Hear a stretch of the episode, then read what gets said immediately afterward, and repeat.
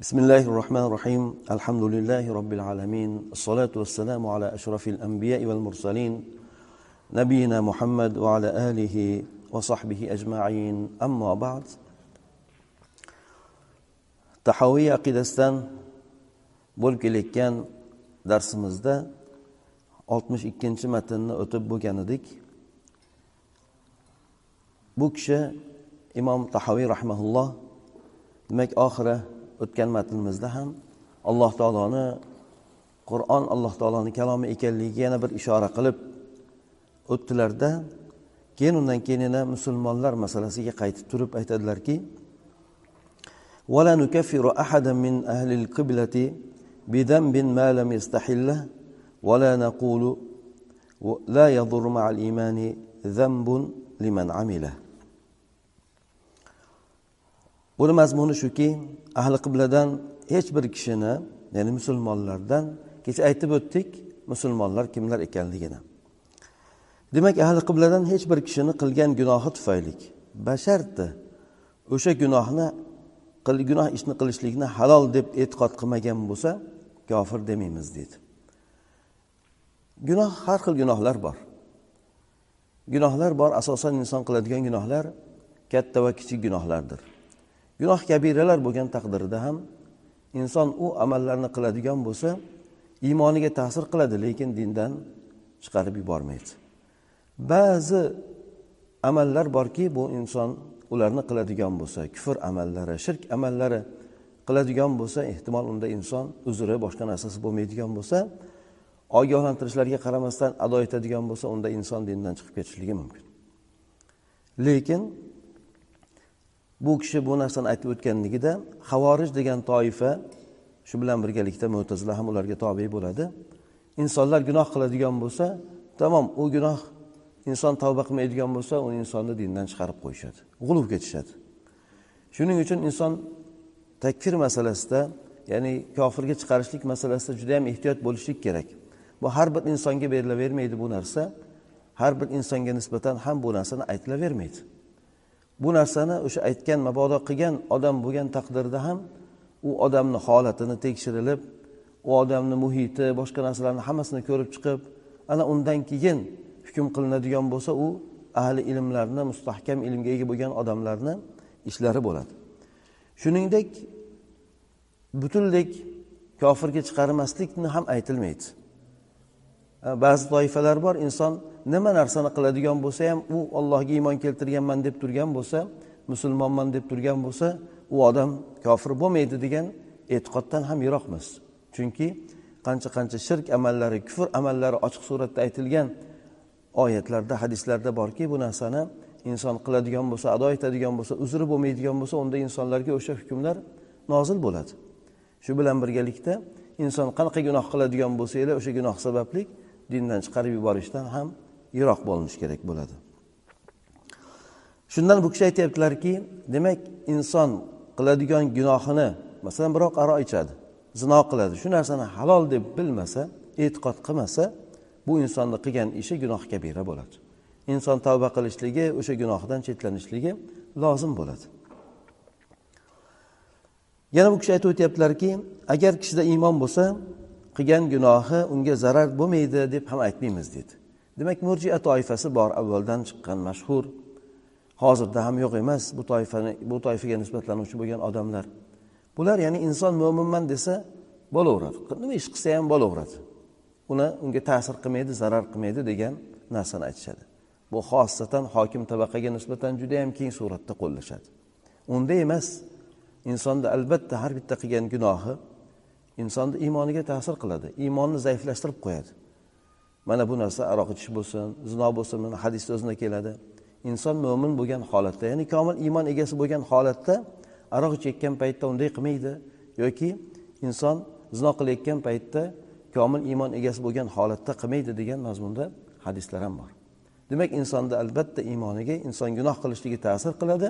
Uni tavba qilishligi allohga istig'for aytishligi o'sha gunohlardan keyin yaxshi ishlarni qilishligi esa insonni ya'ni iymonni tiklanishligiga yana ham ziyoda bo'lishligiga sabab bo'ladi.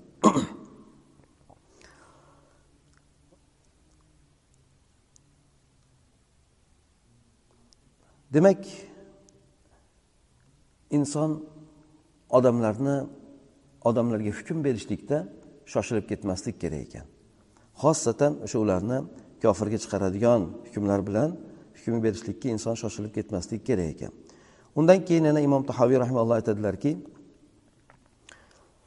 ونرجو للمحسنين من المؤمنين أن يعفو عنهم ويدخلهم الجنة برحمته ولا نأمن عليهم ولا نشهد لهم بالجنة ونستغفر لمسيئهم ونخاف عليهم ولا نقنطهم ya'ni aytmoqchi bo'layotganlari bu yerda mo'minlarni orasida yaxshilik qiladigan odamlar bo'lsa yaxshi iymonga ega bo'lgan yaxshilik amallarida bardavom turgan mo'minlar bo'ladigan bo'lsa albatta alloh taolo ularni xato kamchiliklarini kechirsin deb aytamiz. Har bir inson xatokor. U ming yaxshi bo'lgan taqdirda ham solih bo'lgan taqdirda ham qaysi bir xatolari bordir? Shundan alloh taolo ularni xatolarini kechirsin deymizu va alloh taolo rahmati bilan ularni jannatga kiritishligini umid qilamiz. Aytib falonchi jannatga kirib ketdi bu odam jannatga bordi boshqa boshqa degan narsalarni aytmaymiz. Birovga shu dunyoda jannat bilan hukm qilmaymiz. Faqatgina biz aytamizki umid qilamiz. Alloh taolo rahmati bilan jannatga kirgizsin. Shahid bo'lganligini umid qilamiz jannatga kirgizganligini umid qilamiz deb aytamiz. Bu yerda payg'ambar sallallohu alayhi vasallamni o'zlaridan ba'zi sahobalarga nisbatan aytilgan hadislar bor. Abu bakr jannatda umar jannatda boshqasini o'nta sahobani aytib o'tgan. Yana ba'zi boshqa sahobalarni ham alohida hadislarda aytib o'tilgan. Demak bular borasida xabar kelgan ularga nisbatan aytiladi qolganlarga nisbatan esa alloh taolodan rahmati umid qilinadi. Alloh taolo ularni jannatga kirishligini biz umid qilamiz deb aytiladi. Shu bilan birgalikda mo'minlarga demak xotirjam bo'lib qolmaymiz. Xotirjam bo'lib bu odam jannatga ketdi deb aytib yotmaymiz dedik. Demak bu narsada insonga insonga oxirat borasida inson hukm berishligida shoshilmaslik kerak. Chunki bizga insonni tashqi ko'rinishligi tashqi tomondangina ma'lum bo'ladi. U insonni hamma tomondan esa alloh taoloni o'zi biladi. Ya'ni ularni alloh taolo jannatga kirgizsin lekin bu yoqdagi inson aniq qat'iyat bilan xabari bo'lmagan xabar kelmagan narsa haqida demak qat'iyat bilan bir hukmni aytmasin degan mazmunda bu kishi aytib o'tyaptilar. Shuningdek gunohkor bo'lgan odamlar bo'lsa gunoh ishlarni qilayotgan lekin musulmonligi bor mo'minligi bor bunday bo'lgan kishilarga istig'for aytamiz mo'minni mo'mindagi bo'lgan haqlari albatta biz taniymizmi tanimaymizmi umumiy suratda musulmonlarni haqlariga istig'for aytamiz alloh taolodan ularni gunohlarini kechirishligini so'raymiz shuning uchun keladiki والذين جاءوا من بعدهم يقولون ربنا اغفر لنا ولإخواننا الذين سبقونا بالإيمان ولا تجعل في قلوبنا غلا للذين آمنوا ربنا إنك رؤوف رحيم ya'ni sahobalardan keyin kelgan kimsalar aytadilar deydi parvardigor olam bizdan oldin iymon bilan o'tgan bandalaringni hammasini mo'minlarni gunohlarini kechirgin bizni mo'minlarga nisbatan qalbimizda g'ilg'ashlik qilmagin albatta sen o'zing kechirimli bo'lgan mag'firatli rahmdil bo'lgan zotsan deb alloh taolo demak mana shu oyat orqali bizlarga o'rgatdi musulmon bo'lgan odamlarga mo'min bo'lib o'tgan odamlarda haqlariga istig'for aytishligimizni Ularni ustida agar gunohkor odamlar bo'ladigan bo'lsa gunohlarni ko'p qilib yuborayotgan bo'lsa biz ularni ustida qo'rqamiz. Alloh taoloni azobi tushib qolmasin. Olloh shunday vafot etib qoladigan bo'lsa alloh taoloni do'zaxiga yoki azobiga giriftor bo'lib qolmasin deb qo'rqamizda. Lekin shu bilan birgalikda ularni noumid qildirib qo'ymaymiz deydi. Bo'ldi oxirating kuydi. Bo'ldi aytaylik alloh taolo seni gunohingni kechirmaydi. Bo'ldi nima bo'lsang bo'lganingcha bo'lding deb turib ularni noumid qildirmaymizda balki ularni iloji boricha allohga tavba qilgan allohga istig'for aytgan alloh taolo hamma gunohlarni kechiradi deb turib ularni umid uyg'otamiz ularni qalbida. Ayni mana shu narsani demak bu kishi aytib o'tyaptiki demak musulmonlarga hukm qilishda inson shoshilmaslik kerak. Aksincha yaxshilik qilayotgan odamlar bo'ladigan bo'lsa alloh taolo ularni xato kamchiliklarini kechirib jannatga rahmat bilan kirgizsin deymiz. Agar gunohda turgan musulmonlar bo'ladigan bo'lsa ularni haqlariga biz o'zimiz ham istig'for aytib turib alloh taolo shularni gunohini kechirgin o'zing isloh qilgin ularni iymonlarini quvvatli qilgin bu harom gunoh bo'lgan narsalardan ularni chetlatgin deb shu aytishlik bilan birgalikda ularni mana shu narsalarga istig'for aytib tavba qilishlariga gunohlardan chetlanishliklariga ularni demak e, aytamiz ularni allohni rahmatidan noumid qilmaymiz deb aytib o'tilyapti. Demak musulmon bo'lgan odamni ishi boshqa musulmonlarni ustidan hukm chiqarishlik emas balki ularga qo'ldan keladigan foydalarni qilishligi. Bu esa ularni haqlariga g'oyibona alloh taolodan duo qilib so'rashlik va shu bilan birgalikda ularni garchi har qancha gunohga botib qolgan taqdirida ham noumid bo'lmasligiga olib borishlik. Alloh taolo gunohingni kechiradi tavba qilgin deb aytishlik. Gunohlar kechirishligi turli yo'llar bilan bo'ladi. Inson o'zi tavba qiladigan bo'lsa allohga istig'for aytadigan bo'lsa yoki boshqa mo'minlar ham ularni haqlariga istig'for aytib ularni haqlariga allohga tavba qiladigan bo'lsa. Yana shuningdek inson yaxshi amallarni qiladigan bo'lsa bu ham insonni gunohlarini kechirishligiga sabab bo'ladi. Yoki alloh taolo o'sha qilgan gunohlariga yarasha ba'zan insonga musibat beradi qiyinchilik beradi. O'sha sababli inson sabr qilsa alloh taolo uni gunohini kechiradi. Mana shuningdek insonlarni gunohlarini kechirishlarini kechirishliklariga judayam ko'p uslublar yoki judayam ko'p asoslar bor. Ana o'shandek inson o'sha narsalarni qiladigan bo'lsa alloh taolo gunohlarini kechiradi. Garchi allohni huzuriga gunoh kabira qilgan odam borgan taqdirda ham u yoq alloh taoloni o'zini xohish ixtiyorida bo'ladi. Xohlasa kechirib yuboradi xohlasa o'sha qilgan gunohiga yarasha alloh taolo uni jazoga yoki bo'lmasa aytaylik qilgan gunohidan ozroq suratda jazoga giriftor qilishligi mumkin alloh taolo.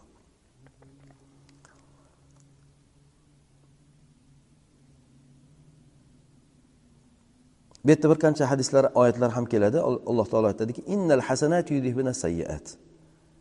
Innal hasanat yudhibuna sayyiat. Zalika zikro lizzakirin. Ya'ni alloh taolo inson qiladigan yaxshi amallari uni gunohlarini o'chirtirib yuboradi ketkizib yuboradi. Inson demak bir gunoh ish qilib qo'ydi. O'zi bilan alloh taoloni o'rtasida deylik. Inson orqasidan yaxshi amal qilsa ikki rakat namoz o'qib allohdan so'rasa yoki bir ehson qilsa yo qanaqadir bir yaxshi amallarni inson qiladigan bo'lsa o'sha gunohi kechirilishligi tezroq sabab bo'ladi.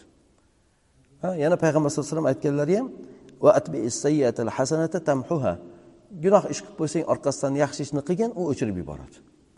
Demak inson iloji boricha gunohlarni to'plamasdan alloh taologa tavba qilib istig'for aytib turishlik kerak. Inson o'sha gunohlarni agar to'planib qolishligi insonni qalbini qotib qolishligi tavbaga qaytishligiga qiyin bo'lib qolishligi har xil sabablarga bo'lishi mumkin. Lekin inson mabodo insoniylik nuqtai nazaridan gunoh qilib qo'yadigan bo'lsa darrov alloh taologa tavba qilsin. Alloh taoloni eshigi doim ochiq. Insonlar demak tavba qilsa alloh taolo xursand bo'ladi. Istig'for aytadigan bo'lsa alloh taolo ularni gunohlarini kechiradi.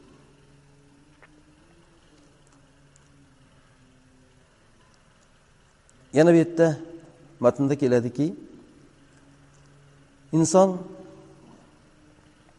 iymondan chiqishligi qachon bo'ladi? Aytadilarki imom tahabiy rahmaulloh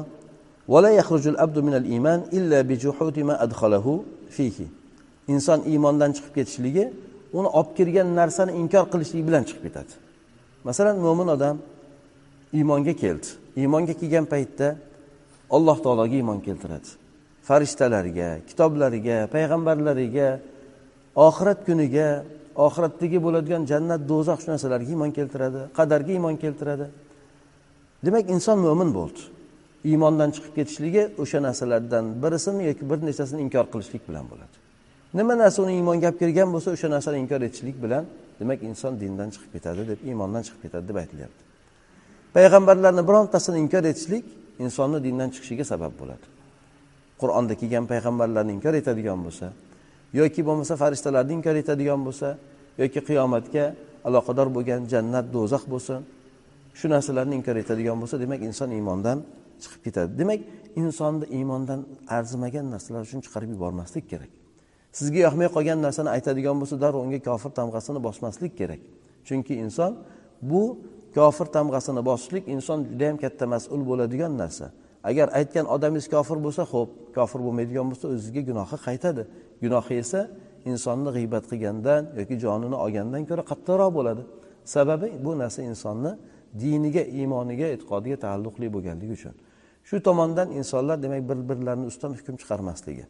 Darrov u odamni ustidan bidatchi deb turib yoki kofir boshqa narsa deb hukm chiqarmasliklari. Aksincha agar mabodo shunday holatda ko'radigan bo'lsa ham uni ko'ziga bidatchi bo'lib ko'rinayotgan bo'lsa yoki bo'lmasa uni ko'ziga kufr gapni aytayotgandek ko'rinadigan bo'lsa so'rab surishtirsin. U odamni haqqiga hidoyat so'rasin alloh taolodan gunohini kechirishligini so'rasin. Mana shu odamni haqqiga qilgan yordami bo'ladi. Ajoyib emas alloh taolo uni duosi sababli unga so'ragan hidoyati sababli haligi odamni yana dinga e'tiqodga yaxshi bo'lgan to'g'ri yo'lga qaytaradigan bo'lsa. Yana imom tahoviy aytib o'tyaptilarki iymon masalasi borasida iymon nima u iymon qanday inson iymon keltiriladi aytadilar iymon huval iqroru bil lisan va tasdiqu bil janan جميع وجميع ما صح عن رسول الله صلى الله عليه وسلم من الشرع والبيان كله حق ya'ni aytadilarki iymon bu inson tili bilan iqror bo'lib qalbi bilan tasdiq etadigan narsadir deydi demak bu borada olimlarni o'rtasida ta iymonni tarifi borasida biroz har xil fikrlik bor. Bu yerda imom tahoviy rahmaulloh aytayotganligi demak tili bilan aytib turib qalbi bilan tasdiqlaydigan bo'lsa bu odam mo'min bo'ladi. O'sha iymon keltirish kerak bo'lgan iymon arkonlari deymizmi? Alloh taolo bizdan iymon keltirishligimizni talab qilgan narsalarga inson tili bilan iqror bo'lib qalbi bilan tasdiq etadigan bo'lsa mo'min bo'ladi deyapti. Ba'zi olimlar esa bu narsaga yana inson o'sha rukunlar bilan islomimizda kelgan dinimizda kelgan asosiy bo'lgan farz amallarini qilishlikni ham shunga qo'shib shart qilib aytishadi. Imom tahoviy ham bu narsani inkor etmaydi lekin balki amallarni ham bularda shart qilinadi lekin iymonni yaniga qo'shib shart qilinadi. Ahli sunnani boshqa olimlari bo'ladigan bo'lsa amal qilishlarini ham shu iymonni ichiga qo'shib turib shart qilishadi. Farqi allohu alam shu yerda. Lekin nima bo'lgan taqdirda ham biz qalbimiz bilan tilimiz bilan iqror bo'lamiz. Shahodat kalimasini aytsak tilimiz bilan aytamiz. Qalbimizda haqiqatdan alloh taolo yagona ekanligini tasdiq etamiz. Shu bilan birgalikda alloh taolo bizga farz etgan amallarni ado etamiz. Chunki mana shu narsa bizni shahodat kalimasini aytishligimizni tasdiqi shu bo'ladi. Bizni mo'minligimizni ko'rsatadigan narsa qalbimizdagi narsa emas odamlarni o'rtasida. Bu narsa amalimiz bo'ladi. Qalb masalasi esa alloh taoloni o'ziga havoladir. Payg'ambar sallallohu alayhi vasallamdan nima narsa olib kelingan bo'lsa sahih yo'llar bilan qaysi amallar qaysi e'tiqodlar hammasini aytamizki hammasi haq. Chunki u narsalar u kishini o'zini shaxsiyati tomonidan emas balki alloh taoloni u kishiga bildirishligi sabablik kelgan. Alloh taolo aslida u narsalarni bizga yuborgan. payg'ambar sallallohu alayhi vasallam esa u narsalarni o'rtada vosita bo'lib bizlarga yetkazib turuvchi aslida shariatdagi bo'lgan hukmlar hammasi alloh taoloni qilgan bizlarga yuborgan hukmlaridir shuning uchun bu narsalarni hammasini haq deb aytamiz yana imom tahoviy aytyaptilarki والإيمان واحد وأهله في أصله سواء والتفاضل بينهم بالخشية والتقى ومخالفة الهوى وملازمة الأولى iymon aslida hammasi bir deb aytyapti. Iymon o'zi bir ahli esa unda barobardir deydi. Ya'ni bu kishi aytayotgan narsa iymon keltirishlik hamma o'sha alloh taologa iymon keltirishligi farishtalarga payg'ambarlarga kitoblariga oxirat kuniga qadarga iymon keltirishligi albatta insonga kerak aytib o'tdik. Inson ularni birontasiga iymon keltirmasligi yoki u narsani ulardan birontasini rad etishligi insonni mo'minlikdan chiqarib qo'yadi. Demak hamma shu narsaga iymon keltirishlik kerak. Ayni shu narsani bu kishi aytib o'tyaptilar. Iymon keltirgan odamlar hammasi o'sha aytib o'tgan iymon arkonlariga to'liq suratda iymon keltirishlik kerak. Hammasi barobar lekin ularni o'rtasidagi farqchi bu odam bilan bu odamni iymonini nimada ajratamiz? Asosan iymon insonni iymonni o'sha e'tiqodidan kelib chiqilayotgan amalda amaldan ajratamiz. Chunki bir odam bir amalni juda yam puxta chiroyli qiladi bir odam yuzaki qiladi.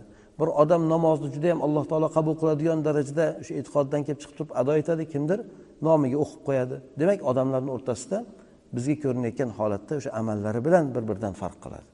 Alloh taolodan qanchalik qo'rqayotganligi bilan demak bir biridan ular farq qiladi.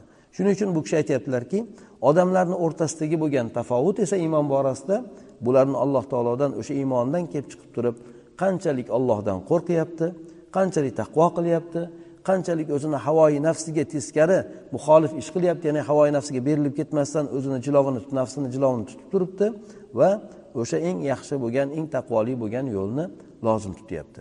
Mana shu narsada demak odamlar bir biridan farq qiladi. Mo'minlarni hammasi mo'minlarni hammasi alloh taoloni do'stlaridir deydi. Haqiqatdan ala inna awliya allohi la xawfun alayhim va yahzanun allazina amanu va kanu yattaqun deydi demak mo'min bo'lgan odamlarni hammasi alloh taoloni do'stlari bo'ladi. Inson iymonini darajasiga qarab turib alloh taolodan valiylik yoki do'stlikni do'stlikka ega bo'ladi. Kim iymoni mukammalroq bo'ladigan bo'lsa alloh taologa yaqinligi allohga do'stligi yaqinroq bo'ladi. Kim gunohlari ko'proq bo'ladigan bo'lsa gunohlariga nisbatan o'sha narigi bo'lgan odamdan ko'ra iymoni yoki bo'lmasa alloh taologa do'stligi biroz zaiflashadi yoki susayadi. Nima bo'lganda ham mo'minlar alloh taologa iymon keltirib amal qilyaptimi? Demak ular hammasi alloh taoloni do'stlari valiylari yoki avliyolar deb aytamiz. Bu yerda avliyo deganda bizda alohida atama bilan eshitishlikka yoki shu narsani ishlatishlikka o'rganib qolganmiz. Avliyo deganda albatta uni karomati bo'lishi kerak. Hamma odam uni og'ziga qarab turgan bo'lishi kerak hammani og'zi ochilib qolishi kerak u odam bir narsa ko'rsatganda. Demak inson shunaqa tushunib qoladi. Yo'q unday emas. Alloh taoloni do'stlari ehtimol karomat odamlarga ko'rsatmas. Ko'rsatishligi ham talab qilinmas lekin u odamlar alloh taologa yaqin bo'lgan alloh taologa iymon keltirgan amallarini o'sha iymon e'tiqod asosida qiladigan odamlar bo'ladi. Aytib o'tdik demak har birimiz mo'min ekanmiz qaysi bir jihatda qaysi bir darajada alloh taologa do'stligimiz bor. Alloh taologa o'sha alloh taoloni valisi yoki alloh taolo bizni valiyimiz hisoblanadi.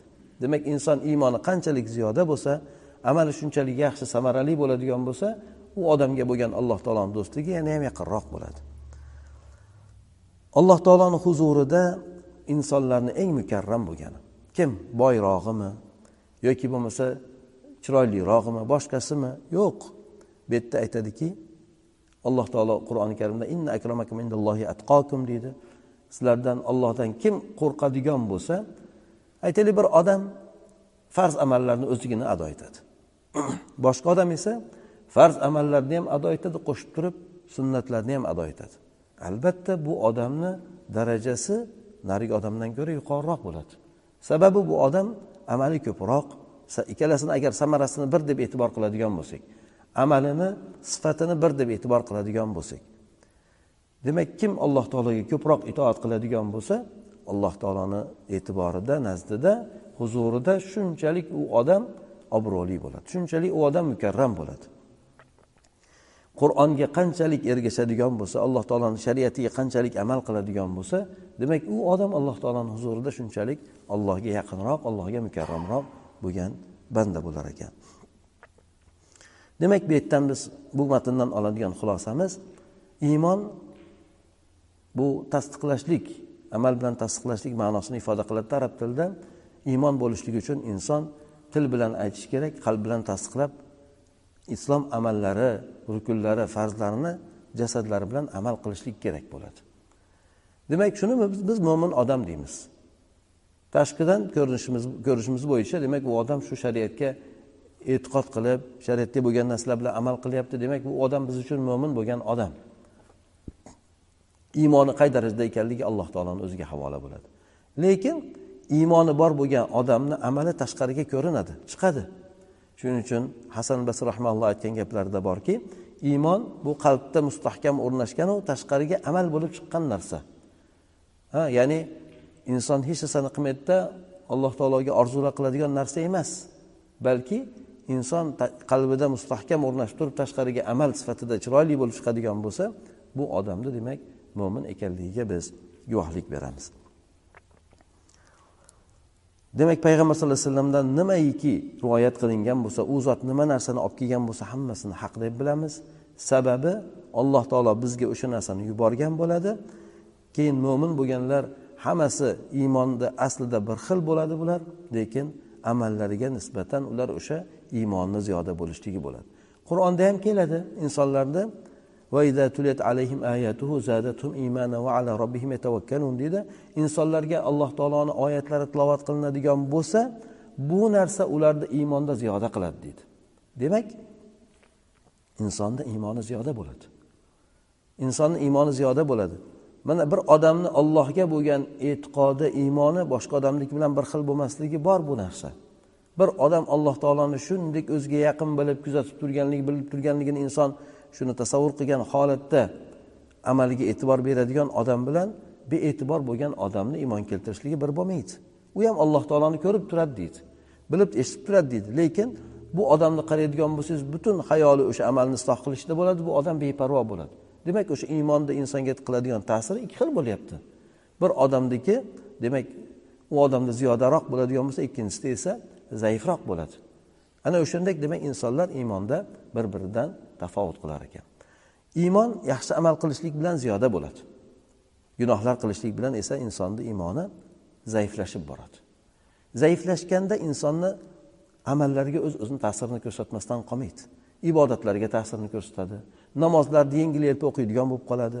Beparvo bo'lib qoladi. Boshqa amallarga ham inson panja ortidan qaraydigan suskash loqayd bo'lib qoladi. Demak bu narsa insondagi o'sha qalbini qotayotganligiyu iymonni zaiflashayotganligini alomat bo'ladi. Inson bunday bo'lgan holatda o'zini isloh qilishi kerak. O'zini darrov o'nglash kerak. Chunki bu insonni pastlikka tubanlikka qaratib yo'naltirayotgan bo'ladi.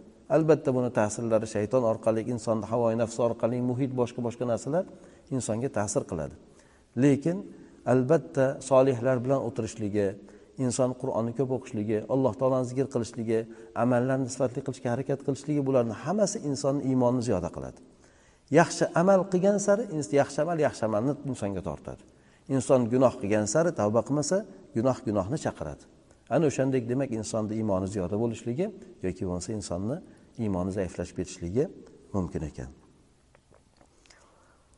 Demak aytib o'tdik yana mo'minlarni hammasi o'zini iymon e'tiqodiga yarasha amallariga yarasha alloh taologa do'stligi bor.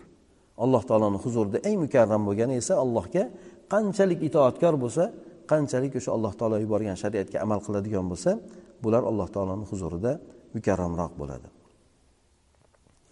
Iymon arkonlari bu narsalarni aytib o'tdik. Bu yerda bu kishi ham keltirib o'tyapti. Iymon bu alloh taologa iymon keltirishlik. Farishtalarga iymon keltirishlik kitob alloh taolo payg'ambarlarga yuborgan kitoblarga iymon keltirishlik yana payg'ambarlarga iymon keltirishlik alloh taoloni rasullari qur'onda bir qanchasini zikr qildi. Zikr qilmaganlari undan ham ko'ra ko'proq. Yana undan tashqari oxirat kuniga iymon keltirishlik. Oxiratda bo'ladigan beriladigan jannat bo'lsin yoki bo'ladigan do'zax bo'lsin u yerdagi hisob kitoblar bu soat qo'yilishligi bu narsalarga iymon keltirishlik. Yana shuningdek inson qadar haqida ham gapirib o'tdik qadarga ham iymon keltirishlik kerak. Chunki alloh taolo avvaldan hamma narsani belgilab qo'ygan. Bu narsalarni demak bizdan iymon keltirishligimiz talab qilinadi va jibril alayhissalomni hadisida ham payg'ambar sallallohu alayhi vasallamdan iymon haqida xabar bering deb so'raganlarida aytganlarida payg'ambar sallallohu alayhi vasallam mana shu oltita iymon rukunlariga iymon keltirishlikni aytib o'tadilar. Biz mana shularni hammasiga iymon keltirsak mo'minmiz biz demak bularni o'rtasini birontasini ajratmaymiz. Payg'ambarlarni hammasiga biz iymon keltiramiz. Orasini ajratmaymiz. Payg'ambarlar olib kelgan narsalarni hammasini tasdiq etamiz ularni birontasini inkor etmaymiz.